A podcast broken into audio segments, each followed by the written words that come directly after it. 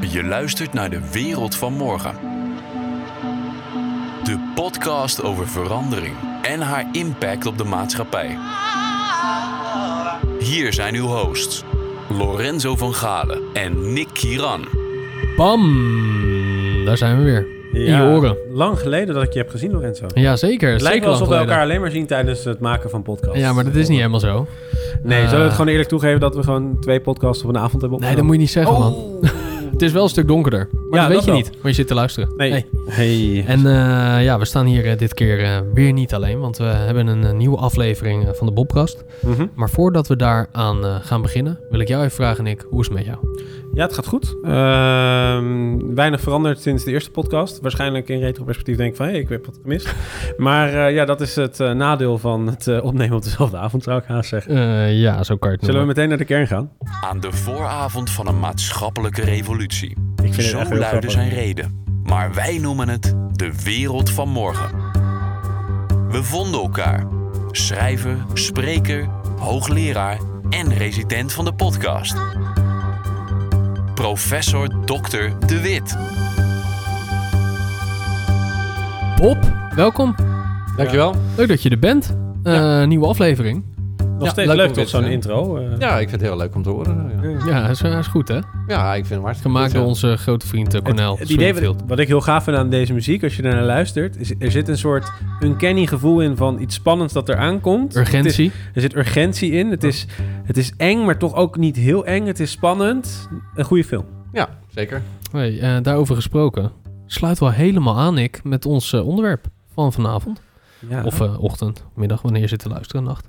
Eh, we gaan het hebben over de ontwikkeling van cyborgs. En dat is een eh, eh, onderwerp die natuurlijk heel veel kanten op kan gaan. Ehm, maar we willen, het, we willen het aan de ene kant dicht bij, bij onszelf houden. Of in ieder geval dicht, dicht bij dingen die er al spelen, hè, die, die, die al worden gebruikt. En we gaan het einde een beetje filosoferen ook. Want het is natuurlijk een onderwerp waar je ook heel ver mee de toekomst in kan kijken.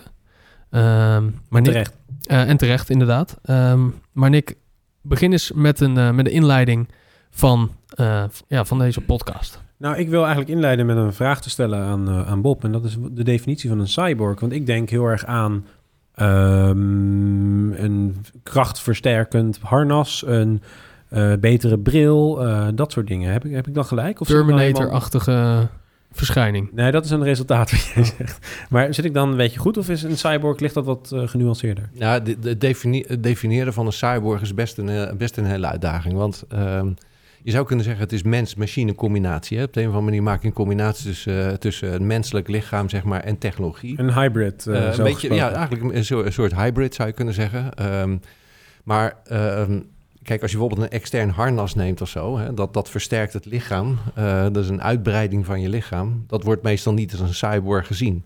Want dan zou je kunnen zeggen, dan is een auto, hè, iemand die een auto rijdt, ook een cyborg. En je bent Want- ineens veel sneller. Ja, je bent ineens veel sneller. Of jij bent dan ook een cyborg, Nick, want je hebt een bril op. ja, Ja, jij een koptelefoon. Ja. Ja. Hey. Ja, dus, dus heel vaak wat wordt, wordt gezegd van je gaat zeg maar, het lichaam eh, effectiever maken door technologie. Nou, dat noemen wij meestal geen cyborg. Een cyborg is echt als je een combinatie gaat maken tussen, tussen mens en, eh, eh, en technologie. Bijvoorbeeld door eh, eh, combinatie te maken met, eh, met extern geheugen of zo. Hè? Of, of je gaat op allerlei manieren ga je jezelf upgraden met Mhm. technologie. Dan ga je praten over een cyborg. Dat betekent dat we letterlijk een stap verder zijn dan de filosofie van Steve Jobs uit zijn bekende Harvard speech of Stanford speech. Waarin hij zei: Wij mensen, als je ons op een, een ranglijst zet met andere dieren. wij lopen 10 een ki- 10 kilometer, dan zijn wij het minst efficiënt van het omzetten van calorieën naar meters. Op het moment dat je een mens echt op een fiets zet, verslaan wij elk dier. Ja. Eh, dus de basis van de mens is, wij zijn heel goed in het maken van tools. Ja. Maar dat betekent dat we nu dus dat... Dat is niet eens een hele oude speech. Dat was een speech van een visionair, denk ik, volgens velen. Zeker. Maar dat betekent dat we dus nu in een heel ander tijdperk gaan komen. Ja, gaan we een heel ander tijd, tijdperk komen. Vergeet ook niet dat er zijn 7 miljard mensen op aarde. Eh, en dat is inderdaad niet omdat we harder lopen of omdat we beter kunnen zwemmen of zo. Eh, het is omdat we intelligenter zijn. En met die intelligentie doen we een aantal dingen, waaronder eh, technologie inzetten of, of tools in, inzetten. Maar dat maakt ons nog geen cyborg. Ik wil, ik wil gelijk eh, beginnen met een, eh, met een fragment. Dat is een fragment van, ehm, ehm, van de RDM-campus hier in Rotterdam, vlakbij. Eh, en dat is van een bedrijf dat heet ScaleX. Ehm, en dit is denk ik wel een mooi ding ook om, om toe te voegen aan deze discussie. Want dit is een exoskeleton, zoals je dat noemt. En dat wordt gebruikt in, in bedrijven waar je bijvoorbeeld op een hele, lange, ja, een hele lange periode boven je macht staat te tillen of in elkaar staat te schroeven. Onmenselijk lang. Onmenselijk lang, inderdaad. En ik heb daar een klein fragment van. We are not just building exoskeletons, we are building a new way for humans to work. And that human aspect came when I was studying to understand what a human is capable of and what is it that you can do to really improve or to give him the, that edge. En dat heel- beat, minder goede stem. Ja, nee, eh, inderdaad. Eh, dit was Gurav eh, Genani. Ik hoop dat ik zijn naam goed, goed uitspreek. En hij is dus bezig met exoskeletons aan het maken. Ehm, en, maar wat ik zo mooi vond van dit fragment... is wat hij eigenlijk ook al zegt van... Ja, het gaat niet zozeer om, om dat apparaat... maar we zijn gewoon aan het, aan het kijken wat een mens nog meer kan met deze tools. Eh, hoe zie jij dat, Bob? Ja, dus die, eh, die technologie. En, en merk je natuurlijk met name mensen die eh, ergens een tekort hebben of een beperking hebben. Want dat, dan, dan is de stap het, het grootste. Hè? Dus dan begin je met mensen die bijvoorbeeld een handicap hebben. En die krijgen dan met die exoskeletons eh, krijgen ze de mogelijkheid om, om dingen te doen die ze ervoor niet kunnen.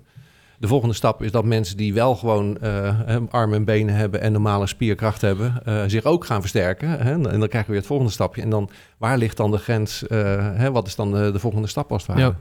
Maar we kunnen veel meer met, met ons lichaam. Want ons lichaam, ja, als je het vergelijkt met heel veel andere dieren, ja, we zijn slimmer, maar ons, ons lichaam is niet noodzakelijk geschikter voor al die verschillende dingen. En door al die technologieën kunnen ze natuurlijk verslaan op echt alle, alle terreinen waar, de, waar ze ons op Ja, zet je mij tegenover een tijger, tijger, ben ik waarschijnlijk kansloos. Heb ik een wapen in mijn handen, is de kans veel groter. Eigenlijk is, ik denk dat je, ja, dit is misschien een hele bloederige vergelijking, maar eh, op het exoskeleton, net zoals dat je, wat ik net een hele mooie vergelijking vond, was de auto. Ja. Eh, dus je bent sneller, eh, net zoals dat je met het exoskeleton sterker bent. Ja. Eh, Zo'n exoskeleton wordt gebruikt. Ik heb hier een fragment. Look up. This is the moment I become part machine. So you should feel engagement at about the time. Oh yeah. Oh wow. There you go. Whoa. There's the smile machine. That's crazy. I'm wearing something called the exovest. An exoskeleton that makes lifting things easier by shifting pressure from your arms and shoulders to your legs. I kind of feel like I'm leaning on an invisible ledge right now. Yeah, it's kind of like one of those Yeah. things. Yeah. I could do this all day. The goal is not superhuman strength, although lifting this light case was much easier. Whoa. Ja, je ziet nu eh, de jongeman... eh, Instead, the vest is meant to reduce the stress on your shoulders that builds up from doing the same thing over and over again. En waar je hier op doet, en wat je hier dus eh, ziet als je er beeld bij hebt, maar ik zal het even toelichten, is autoproductie. Deze mannen die zijn eh, eh, auto's van de onderkant in elkaar aan het schroeven en dat doen ze natuurlijk eh, acht uur per dag. Was bij Ford Dat trouwens. was bij Ford inderdaad, dus dit, dit wordt al gewoon dagelijks gebruikt. Dus dit is, eh, nou, dit is gewoon... Dit is niet de wereld van morgen, oud. dit is de wereld van beetje- vandaag. Ja, dit is gewoon... Ja, eh, waar waar leg je de grens? Want op het moment dat je een, een, een hamer pakt of zo, is ook een verlenging van je, van je lichaam. Dus Ja, dat, nee, dat gaat er heel snel. maar noem, je, dat- noem je dit een cyborg? Nee, dat noem ik geen cyborg. Of machine, hè, noemt hij het zelfs. Nee, het is een eh, verlenging van je lichaam. Hè? Dus extended body is dat eigenlijk. hè. Ehm, maar dat is nog geen cyborg. Het cyborg is als je het echt gaat vermengen. Hè? Dan, eh, als je het echt gaat combineren op de een of andere Maar hij manier. zegt van wel, hè? dat vind ik wel grappig. Ja. Dus in de visie van, Ja. de, van, de, van de protagonist van deze video, die zegt, ja nee, ik ben nu ook half machine. Ja, hij is misschien wel half machine, maar hij maakt nog geen, eh, geen cyborg. Hè? Nee, dus, precies. Dus hij, hij, maakt, hij maakt zeg, technologie op zijn lichaam en ja, daar wordt hij half machine van. Maar dat maakt hem nog geen cyborg. Mhm. Ik heb trouwens... eh, Nou, ik heb oh, nog een ander fragment. Oh, oh, hierop, zo, eh, hierop eh, volgend. Het lijkt Ja, net ja, alsof dit voorbereid die- is. Nou, deze, die, die kennen jullie niet. Ehm, dit is een TED-fragment. Het, is, eh, het is van 20 juni 2018. Ben jij dus best wel, gemodificeerd dat je ineens zo scherp Ja, jongen, ik ga zo hard. Ehm, eh, ik ben benieuwd. Ik ga hem gewoon even afspelen. Ben ik benieuwd of jij dit wel een cyborg vindt. walking and running.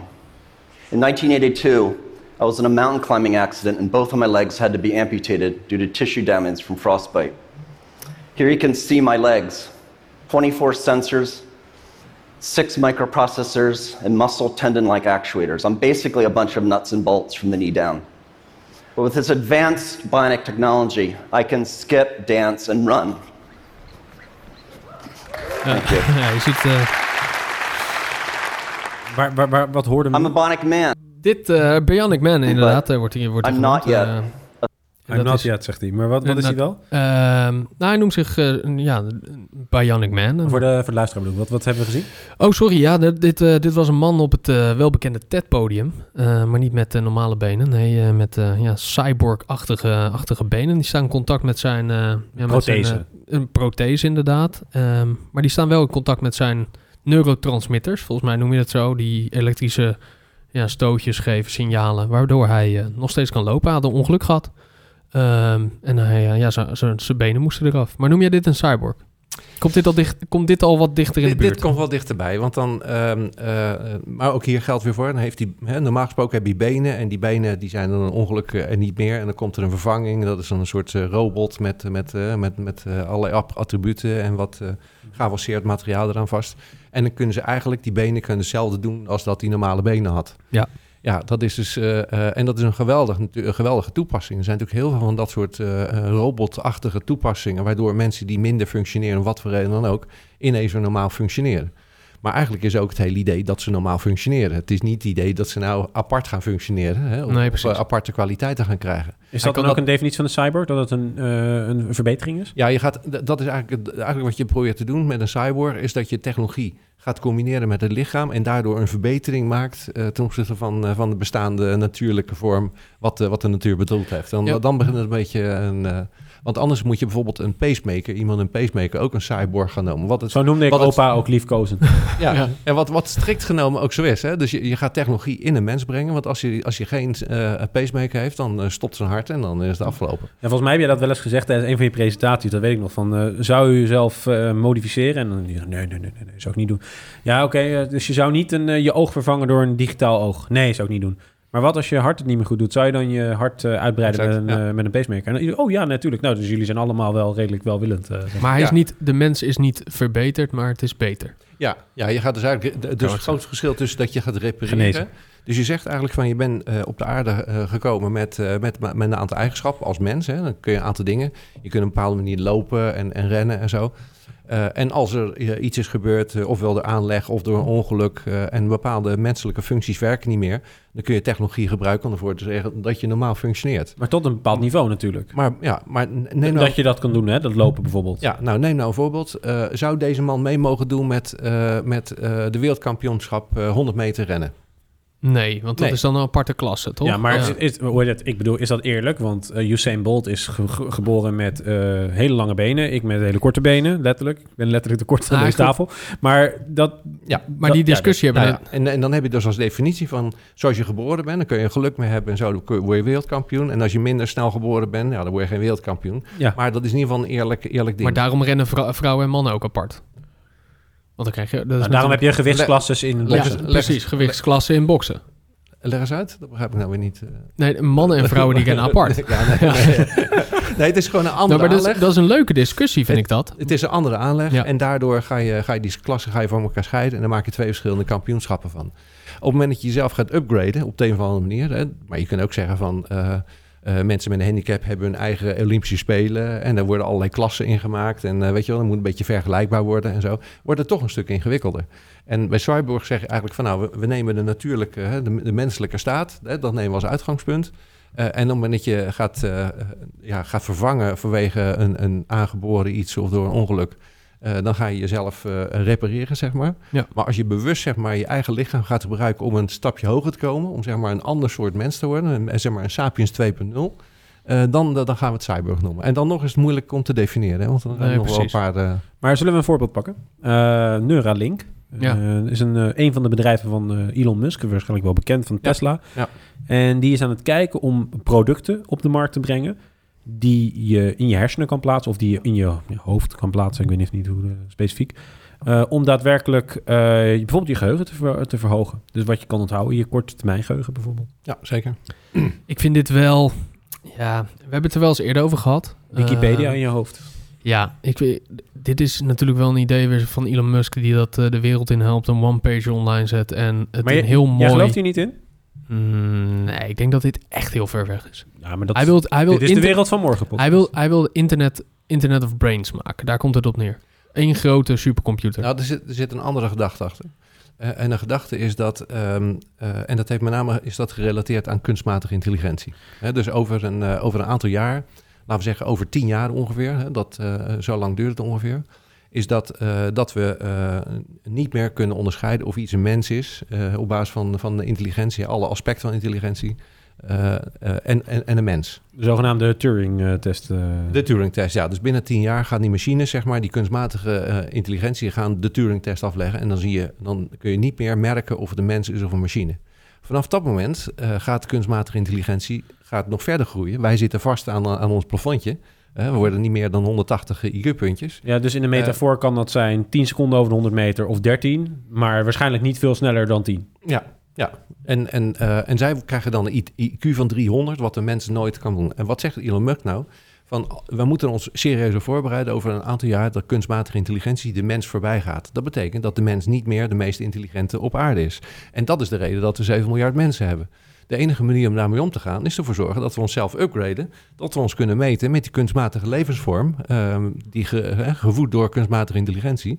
En dus ga ik mezelf upgraden, want anders ga ik het verliezen. Dan gaan wij Ja. de controle over de kunstmatige levensvorm gaan we kwijtraken. Ja, dat klinkt heel mooi. Daar maar, komt dat vandaan. maar wat als die apparaten iets kosten wat jij wel kan betalen en Lorenzo niet bijvoorbeeld? Dan ga je ook een heel ander, het is een, een beetje een sidetrack, maar dan krijg je een hele moeilijke situatie waarbij er nog meer ongelijkheid komt tussen mens en eh, Maar dat, dat, Maar is, die is er al, cyborg denk ik. mens. dat gaat zeker gebeuren. Nou, die is er al, maar die wordt nog erger. Dat is een beetje het punt. Dus je, dus je kan, als je geboren wordt en je krijgt meteen een chip in je hoofd, waardoor je VWO eh, makkelijk kan doorlopen. Er is natuurlijk een hele... hele Is dat nog, eh, dan is dat niet een gouden lepel, dan is dat... Nee, nog, ja goed. Ik, Maar laten we Ja. niet vergeten dat de gelijkheid van de mensen... en dat we allemaal gelijke kansen hebben... en inkomen kunnen krijgen en een school kunnen krijgen en zo. nou, wat jij, Dat wat- is pas 200 jaar en dat is niet zo lang meer. Wat Nee. jij zegt vind ik wel interessant, want er is natuurlijk in popcultuur ook een eh, stroming, dat heet eh, cyberpunk. En eh, daarin wordt een dystopische wereld eh, gecreëerd, waar altijd een zeg maar, supermacht, een superpower, dat is dan een heel groot bedrijf, alle informatie heeft. Eh, en daaronder dus een hele grote groep is van mensen die daaronder lijden of die daar naar leven. Dat vind ik wel, dat is wel in het verlengde wat jij zegt, ja, dat Skynet. eh, achtig. Ja, ja, maar, dat maar dat hebben kunstenaars, maar dat hebben eh, eh, andere artiesten... zoals eh, filmregisseurs hebben dat ook. Zeker. En dat zijn in, in, ons, in, in ons vakgebied zijn hele goede strategen. Hè? Dat zijn visionairs. Eh, en waarom zijn ze zo goed? Omdat ze geen belang hebben. hè. Dus ze, ze, ze zijn ervoor om iets nieuws te creëren en, en hun fantasie te gebruiken en hun creativiteit te gebruiken. Zitten niet vast in allerlei belangen en, eh, en, en verleden of zo. Dat is wat zij doen. En dat, en het is, dat maakt hun hele goede, hele goede visionairs. En dan zie je er zo heel veel van de science fiction films. Stapje voor stapje ook dingen blijken te zijn eh, eh, bedacht. Die later ook zijn uitgekomen. Ik ben de, film even, de naam even kwijt een film van Tom Cruise... waarbij een elite mens naar de maan gaat... en de, ja, de mindere mens blijft op aarde. Dat helemaal is uitgemolken door het uitputten van onze resources. Dat vond ik wel een interessante film. En dan, gaat, dan zie je dus de, de, de film gaat over de oorlog tussen die twee. Eh, ik zal niet eh, te veel over die Hollywood-productie praten... maar ik vond het wel een interessante gedachte. Dus dat je inderdaad een, een ras hebt die zich lostrekt van het mindere ras... Ja. die dan niet... eh, Wat al gebeurt hier op deze aarde natuurlijk. Want Ja. we noemen al eerste wereld, tweede wereld en derde wereld. Maar En dat daarmee- worden dan derde planeten. Of, maar voordat... Ja, precies. Dat, maar, de, dat is maar, dan de basis, de- maar de basisgedachte is belangrijk. Want eh, tot nu toe hebben we altijd technologische innovaties gehad. En al die technologieën zijn altijd... eh, eh, zij, wij zijn altijd de baas geweest van die technologie. ja. En waarom? Omdat wij altijd de slimste zijn geweest. Het, vers- het grote verschil met alle andere stromingen tot nu... alle wetenschappelijke technologische stromingen... is dat we zijn nu met kunstmatige intelligentie... een technologie aan het maken... die eigenlijk de mens verslaat op datgene... wat hem onderscheidt van alles, alle de rest op de aarde. En dus moeten we ons voorbereiden op het moment... en dat is over een jaar of tien... dat kunstmatige intelligentie slimmer is dan de mens. Nou, en dan krijg je dus heel veel mensen die daarmee bezig zijn, filmregisseurs, maar Elon Musk, en die zeggen van nou, we moeten ons voorbereiden op dat moment en dan gaan we niet wachten tot over negen jaar erover nadenken. Ik ga er nu over nadenken. De enige manier om die concurrentiestrijd aan te gaan, is mezelf upgraden met extra geheugen en extra intelligentie. Nou, en dat, dan, dan, dan zit je dus in de kwaliteit van Dus- cyborg. lijkt Dus me we wel moeten ideaal. onze krachten bundelen daarin. Want de Internet of Brains, eh, waar we het over hebben, die Neuralink, is de, de brein aan elkaar koppelen en eh, van onszelf één grote supercomputer maken, zodat we die andere supercomputer die we hebben gecreëerd, artificiële intelligentie, eh Ja. voorblijven. Ja, maar we kunnen ook... eh, bij, bij kunnen blijven. Maar we kunnen ook een kunstmatig brein aan toevoegen. En dan kunnen we weer de concurrentie aan de strijd aan met, eh, met, met eentje die niet aan ons, aan ons gekoppeld is. Ja. Maar de vraag is dan, wat, wat voor soort mens krijgen we dan? Krijgen we Nou. dus een geüpgrade mens, die gekoppeld aan, met, met het brein aan elkaar, met extra kunstmatige intelligentie en extra andere technologieën? En dat is dus niet meer een, no- een natuurlijk mens Een zoals soort dat geboren wordt. Robotachtige. Ja, het is een, ja, wat wij noemen gewoon een upgrade. Ja, ja. Maar eh, Ja. ik heb een eh, citaat hier. We hebben geen fragment, eh, maar een, een citaat van ho- hoogleraar Mark van Vught. aan de psychologie is zijn vakgebied. En hij zegt dat wij leven in het empathische tijdperk. Ehm, en daarom kunnen robots ons niet vervangen. Ik vond het wel een eh boute uitspraak. Dus afgelopen weekend gedaan in de Jordcast. Ik zal even een link eh, in de beschrijving zetten. Eh, hoe denk jij erover, Bob? Klopt, nou, klopt dat? Ja, ik weet ja, of het klopt. Ik ga natuurlijk een collega niet tegenspreken. Maar het empathische tijdwerk. Nou ja, we worden wel menselijker. Hè? We worden wel menselijker. Dus de mensgedeelte wordt wel weer belangrijker. Maar ik waag, toch wat te be- betwijfelen. dat de technologie niet beter in wordt dan wij. Eh, want tot nu toe, alle, eh, alle experimenten die gedaan zijn, eh, zeg maar alle technologieën, blijkt gewoon dat de dingen waar wij mensen trots op zijn, dat dat makkelijk door technologie ver- vervangen kan worden. Ja, terwijl heel veel mensen geloven dat bijna niet. Dat, dat is misschien ook het probleem. Ja, ik- met Ja. alle respect hoor voor deze hoogleraar. Maar ik denk dat heel veel mensen niet kunnen bevatten hoe groot Nee. AI zou kunnen zijn. Ik denk dat heel veel mensen niet snappen. Eh, je hebt- nou, dat weet je, weet je misschien ook wel. Dat onderzoek wat gedaan is van... je krijgt eh, allemaal gezichten en dan moet je alleen maar zeggen... is die boos of is die vrolijk? Weet je wel, zo ongeveer. Ja. En dan vraag je het allerlei mensen. Hè? En dat, nou, dat is empathie, toch? Ja, Eh, van exact. is die boos of is die vrolijk? Nou, de mens heeft gewoon 50% eh, kans dat hij het goed heeft. En dan, dan voel je zeg maar eh, eh, alle spiertjes in de gezichten voel je in, in de computer. Je vertelt eh, en je laat hem leren van wat die verschillende emoties doen of zo. En, nou, en dan vraag je van, eh, is die, lacht hij of is hij boos? Dan heeft hij gewoon 98% heeft hij goed. Ja. Hoezo? Eh mens is daar goed in. maar Mens de- is er helemaal niet goed in. Maar wat dan vaak de discussie een beetje vertroebelt, vind ik, is dat er mensen gaan roepen: ja, maar als ik Siri vraag om het licht aan te doen, dan snapt hij me niet altijd. Ik denk, ja, dat is wel echt een, een hele grote Ja. vorm of een hele enorme mate van simplificering van de discussie. Maar daar kan je, dat kan je de mensen natuurlijk niet eh, kwalijk nemen. Nee, dat want is, wat je dat is het contact met AI, of wat mensen zien als AI. Dat is Siri of een, eh, of een eh, Google, Google Home, weet je wel. Overigens ook hele goede films over gemaakt. Ja. Eh, Ex Machina. Ja, zeker. Maar Ja. heel veel van die films die zijn heel, heel voorspellend.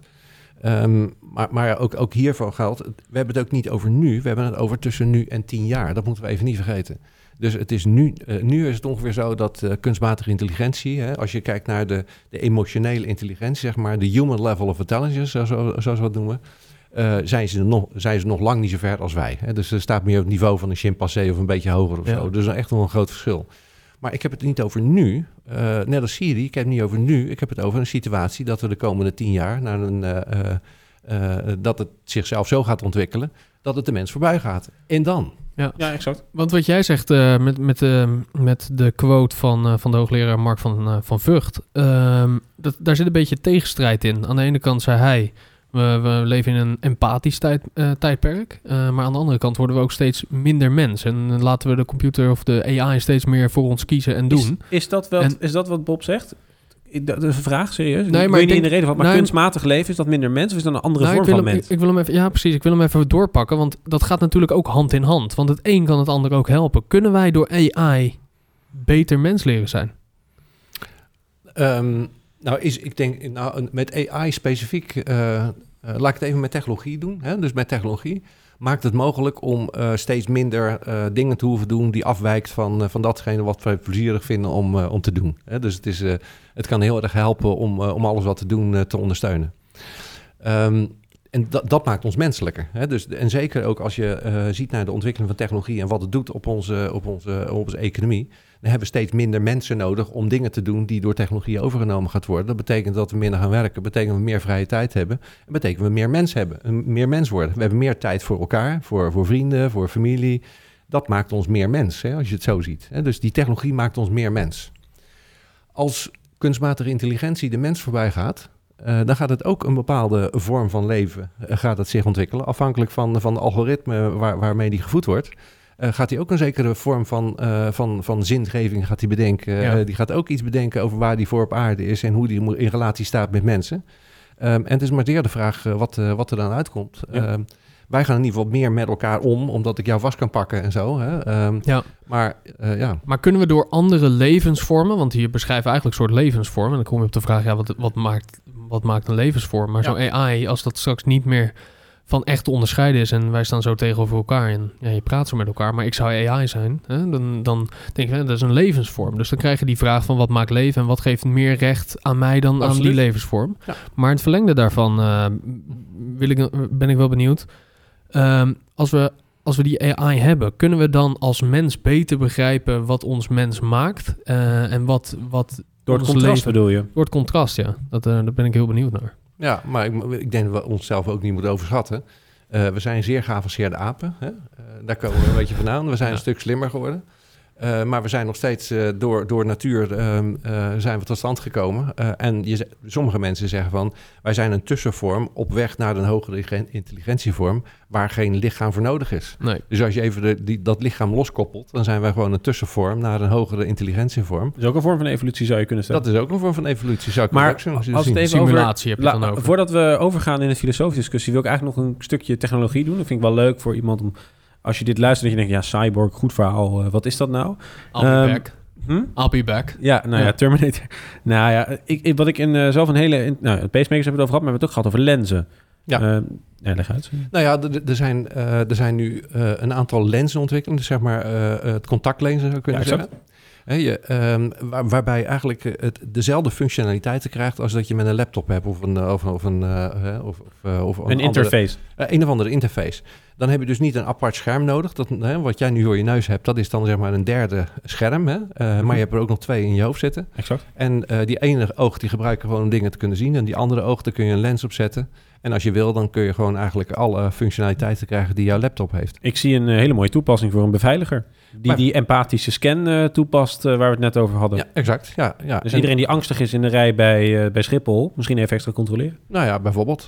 of eh, eh, ja, er zijn heel veel toepassingen voor. Eigenlijk kun je, kun je het overal op, op, op straat voor gebruiken. Je kunt ook als je, als je in de auto zit, dan kun je hem aanzetten en dan op je, op je, oog, op je oog kun je navigeren inderdaad. Eh, je hoeft er niet zelf te sturen meer. Ja. ja, dat soort dingen. Dus eh, er zijn heel veel toepassingen voor mogelijk. Ik Ja. vind betaalpas in je arm vind ik een hele mooie.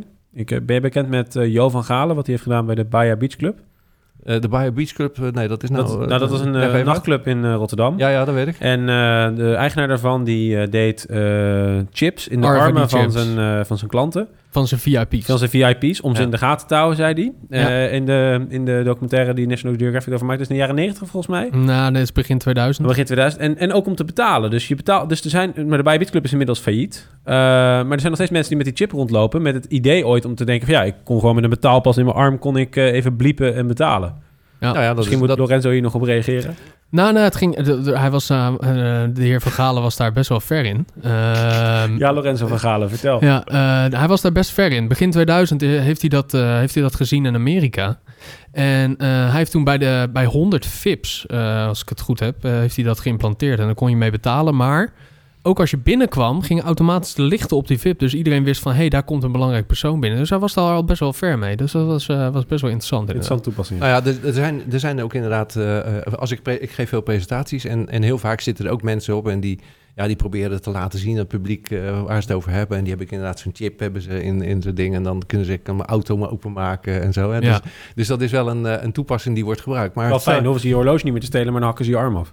Nou ja, ja dat, dat is één ding. Eh, ja, dat klopt, ja. Maar ook een andere voor. Ik weet niet wat ik eh, gelezen heb, maar in China zijn dus een, eh, een, een, ja, iets van meer dan een miljoen of zo reizigers in China zijn verboden om te reizen. Die mochten niet, niet vliegen vanwege hun citizen score, hè, omdat ze zich niet goed gedragen hadden. Ja.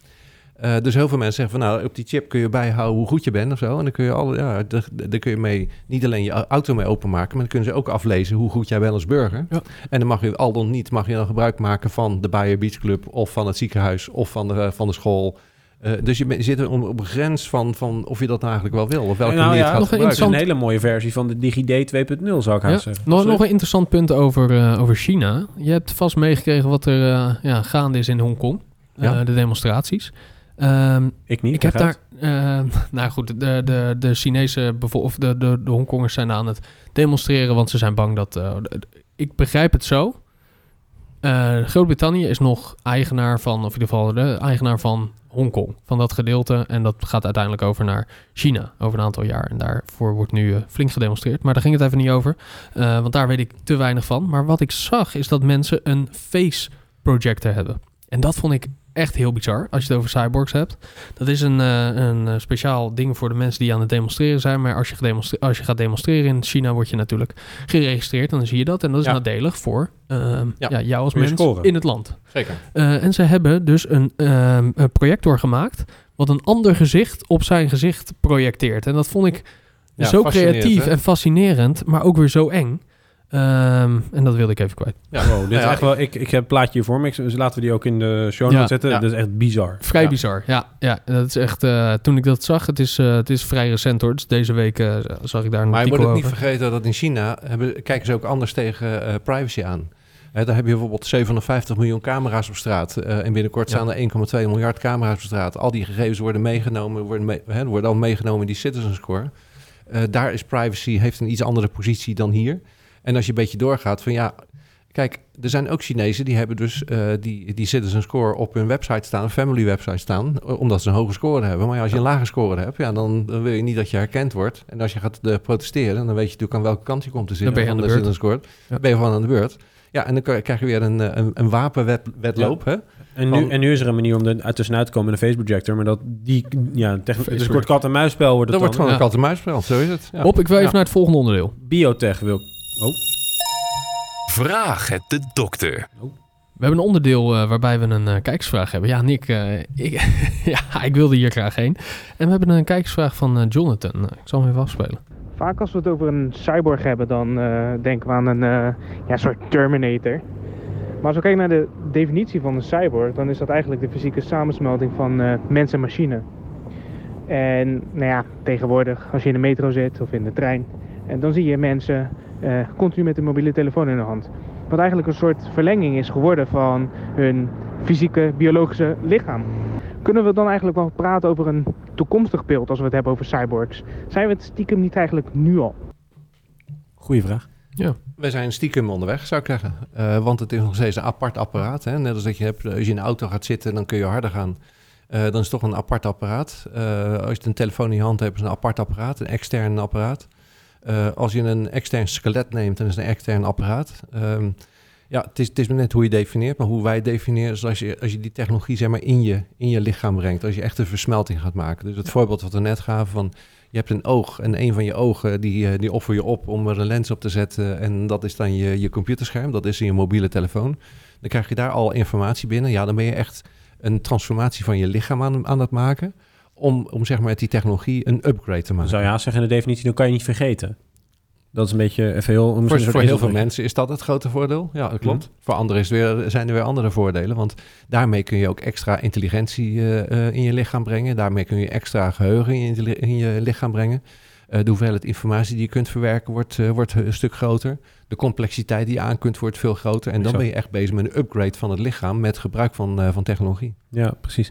Ik, ehm, ik zou trouwens ook nog Ik noem dat dan al heel vaak Sapiens 2.0. Hè? Dus Mhm. dan ga je eigenlijk Ja. een upgrade maken, waardoor je een mensensoort krijgt die op een hoger niveau functioneert in alles wat, wat, wat, wat Ja. de mens doet en met name Deus. intelligente.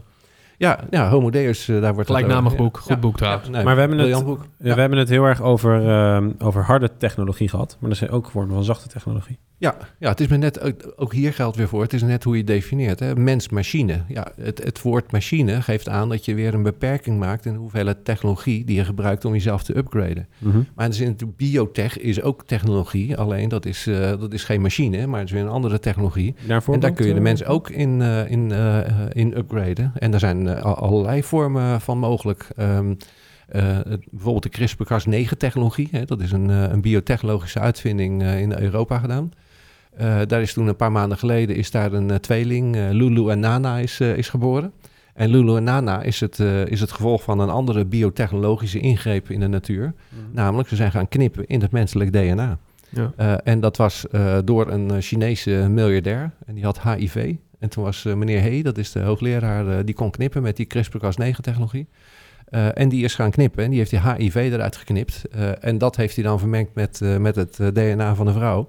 En daar Wow. zijn Lulu en Nana uitgekomen. Dat, dat is dus officieel gepresenteerd op het internationaal tribunaal. Iedereen Wow. heeft kunnen zien op televisie.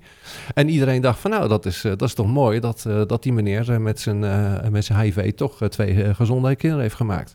Maar ja, denk nou even een stukje verder. Ehm, je kunt niet alleen HIV eruit knippen, je kunt van alles eruit knippen. Eh, Mhm. Je kunt in feite een beetje knippen en plakken. En Kun je er zo. ook eh, dingen Eh, bij knippen? Ja. Je kunt er misschien ook dingen uit, van, ja, van, van jou de, eruit knippen, bij mij erbij of zo, of andersom, of eh, nou, noem maar wat. Ik, bij Ehm, mij gaat dan eh, gelijk weer Jurassic Park eh, spelen. Hè, met, de met het DNA wat ze uit een vlieg halen. Van, hè, bloed van, van een Bijvoorbeeld. dinosaurus. Ja. Dat Ja. we dat gaan modice- modi- Ja, maar- modificeren. Maar dan kom je op een soort filosofisch punt uit van... van Wat is dan mens? Wat, wat is dan mens? Ja, Ja, precies. exact. Dus Ja. bestaat, eh, besta- bestaat een mens nog op het moment dat we dat gaan doen? Ja, nou ja, de, goed, dan kom ik terug bij, het- bij het begin. Dat eh, eigenlijk wat je, wat je neemt als, als definitie, als uitgangspunt, omdat het enige is wat, eh, wat stand houdt, dat is je wordt geboren volgens een natuurlijk systeem en, en zo ga je functioneren. Als je gaat repareren omdat je een tekort hebt, van wat voor reden dan ook, dan, dan zeggen we nou oké, dat is dan eh, mooi. Hè? Een pacemaker is prima, dan kun je weer func- normaal functioneren. Of je hebt een exoskeleton, dan kun je tenminste weer normaal functioneren. Eh, dat zijn reparatie. Op het moment dat je bezig bent met een upgrade, op wat voor manier dan ook, ofwel door machine of door, eh, of door extra geheugen, ofwel door eh, extra intelligentie, ofwel door te knippen met, met biotechnologische, Ja. dan ben je echt bezig aan het upgraden. Dan krijg je dus een Sapiens 2.0, dan krijg je of een Sapiens 3.0, verschillende versies daarvan.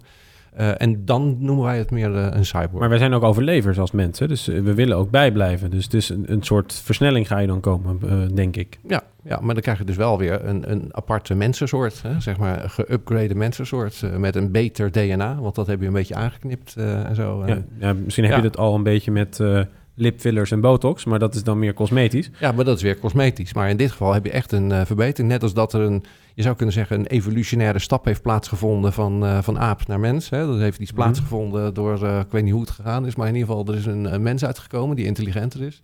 En nu komt er ook weer een nieuwe, nieuwe apensoort of een nieuwe mensensoort op een hoger niveau. Dat noemen we dan even Sapiens 2.0, 3.0. Maar die is dus geëntameerd door menselijk, eh, menselijke interventie. Ofwel door biotech, ofwel door eh, andere technologie. Ik ben ook niet echt een kenner op de evolutietheorie, maar ik denk dat het niet in een jaar is gebeurd. Ik denk dat er wat, jaren overheen zijn gegaan. Ik, ik, ik verwacht dat dit sneller gaat. Ook weer het boek eh, Sapiens natuurlijk. Ja, eh, de voorganger van Homo Deus. Die legt uit hoe we gekomen zijn waar we nu zijn. Ja, zeker. Eh, Ja. Als je het leuk vindt, Ja. er zijn, waren zeven soorten mensen hè, die, die, zeg maar, Ja, die, zijn- die, die, groepen leefden op verschillende continenten. En uiteindelijk Ja. is de sterkste daar. Ja, het is een evolutie op verschillende plekken heeft dat plaatsgevonden. En, maar dat is een evolutionair proces. Dat heeft lang geduurd natuurlijk. Het gaat ook weer vast eh, vaak met, een bepaald knopje. Dus ineens eh, is dat eh, is de volgende stap daar. Maar hier wordt het eh, ge, eh, eh, eh, ja, geëntameerd door de mens zelf... die de technologie gebruikt en, en bewust zeg maar, eh, de mens aan het upgraden is. Eh, en uiteindelijk moet je je afvragen van... ja, als je nou de volgende stap maakt... eh, is dat lichaam dan nog wel zo... eh, Ja. Ja, ik vind Maar- zelf het lichaam van de mens toch wel heel aantrekkelijk. Maar eh, echt nodig voor de evolutie is die niet. Ja, maar en mag je dan nog meedoen eh, in de eredivisie? Hè? Daar we het net over hadden. Dus vanaf welk punt ben je geen mens meer? Eh, Op het moment dat ik mijn been vervang, op het moment dat ik mijn oog vervang, op het moment dat ik mijn hart vervang. Mijn Ja. op het moment gaan we het echt puur houden op intelligentie. Ja. Ja, goede vraag. Ik denk dat, dat dat laatste is een beetje een soort ultieme vorm, denk ik, voor, voor velen. Ja, nou ook hier geldt weer voor. Eh, want eh, bijvoorbeeld, eh, we hebben in de vorige uitzending het gehad over 3D-printers. Eh, over een aantal jaren kunnen we ook organisch materiaal gaan uitprinten. En dan kunnen we ook zeggen, nou dat hart van mij, dat vind ik dan niet Ja. zo goed. En dan ga je DNA ga je knippen en zo. En dan print je op basis daarvan nog even een nieuw hart uit. En dan ga je zelf vervangen. En dan ben je een hoger niveau hart heb je dan. En, En je- Google, eh, of in ieder geval Alpha, het moederbedrijf van, eh, van Google, is natuurlijk ook bezig met verouderingsproces. Wat eigenlijk gewoon een glitch is in, eh, ja, in, de, in de mens. Ja, de, het Nou, dat- citaat, dat de dood is een ziekte, is een mooie. Ja, precies. Nou, dat is misschien wel het mooiste. eh, eh, want eh, dat is het, het, eh, Fox 04 peptide, zoals dat heet. Hè. Dat is een Dat is van eh, Harvard Medical School. Die, eh, die hebben een, eh, een, een uitvinding gedaan. Dat was eigenlijk een beetje toeval. Ze waren een aan het testen en dat was een soort side effect. Dat bleek nou dat die muizen die kwamen jonger uit het laboratorium dan ze erin kwamen.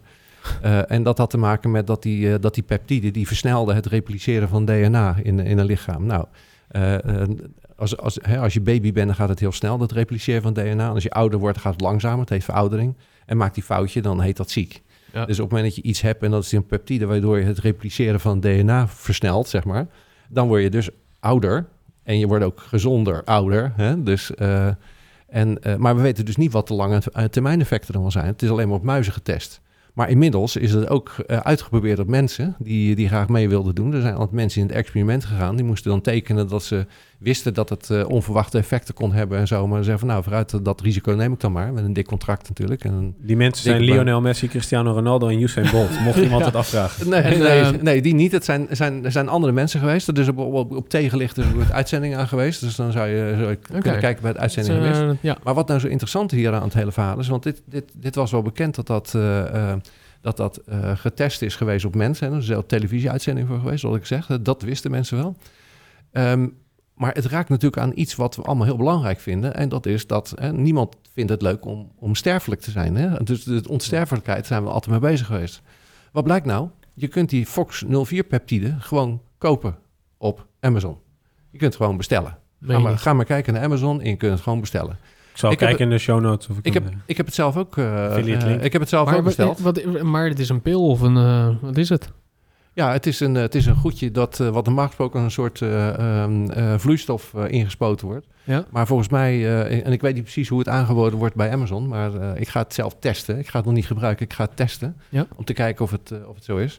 En ik heb ook begrepen dat, dat de, de bereiding ook op internet te vinden vindt. Dan kun je het gewoon t- zelf thuis maken. En dan moet je je voorstellen, er zijn dus allerlei medicijnen, die moeten door allerlei commissies heen. Dus heel, eh, weet je wel, eh, om lange termijn effecten te meten. Eerst Ja. muizen en honden, weet je wel, enzovoort, enzovoort en zo. En dit wordt gewoon gedaan, wordt getest eh, en, eh, of, of op muizen.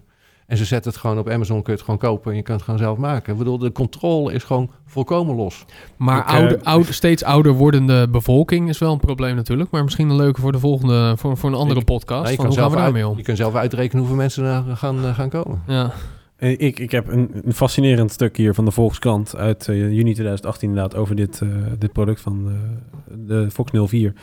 En er staat, eh, Bert Hommerson kocht een mogelijk levensgevaarlijk levenselixer via een internet. en dat laat hij zijn vrouw Siska in- nu in zijn buik spuiten. Ja. Siska wil het eigenlijk niet, maar Bert roept, spuiten nu, hup. Siska doet het onder protest. Je weet niet wat voor impact dit op mij heeft, Bert. Je kan eraan overlijden.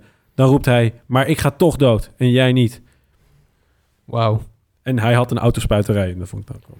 Maar eh, dat Volgens is, mij, eh, eh, dat is is een het, eentje die ik zeker in de show notes zal zetten. Maar, maar dit zijn van die filosofische vragen, daar kom je gewoon niet uit. Want eh, kijk, het, de, de angst voor, de, voor, voor, de, voor het sterven hebben we allemaal. Ja. Ehm, wel, we zijn heel lang bezig geweest om daarmee om te gaan.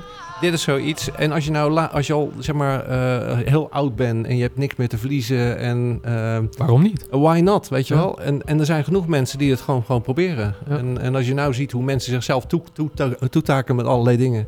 En eh, dus die, die, die groep is er dadelijk. En dan gaan we dadelijk zien wat de effecten zijn. Maar we zijn de mensen aan het, eh, aan het transformeren. En dat, eh, daar zijn wij bij de komende tien jaar. Ik zou zeggen, als je deze podcast nu luistert, denk na, filosofeer. En bedenk een hele goede vraag voor de volgende podcast. Inderdaad. Eh. Want we hebben een aantal eh, onderwerpen eh, op de planning staan. Mhm. Ik zal eens een kleine greep geven van, de, van de onderwerpen. We willen het graag over de deeleconomie nog hebben natuurlijk.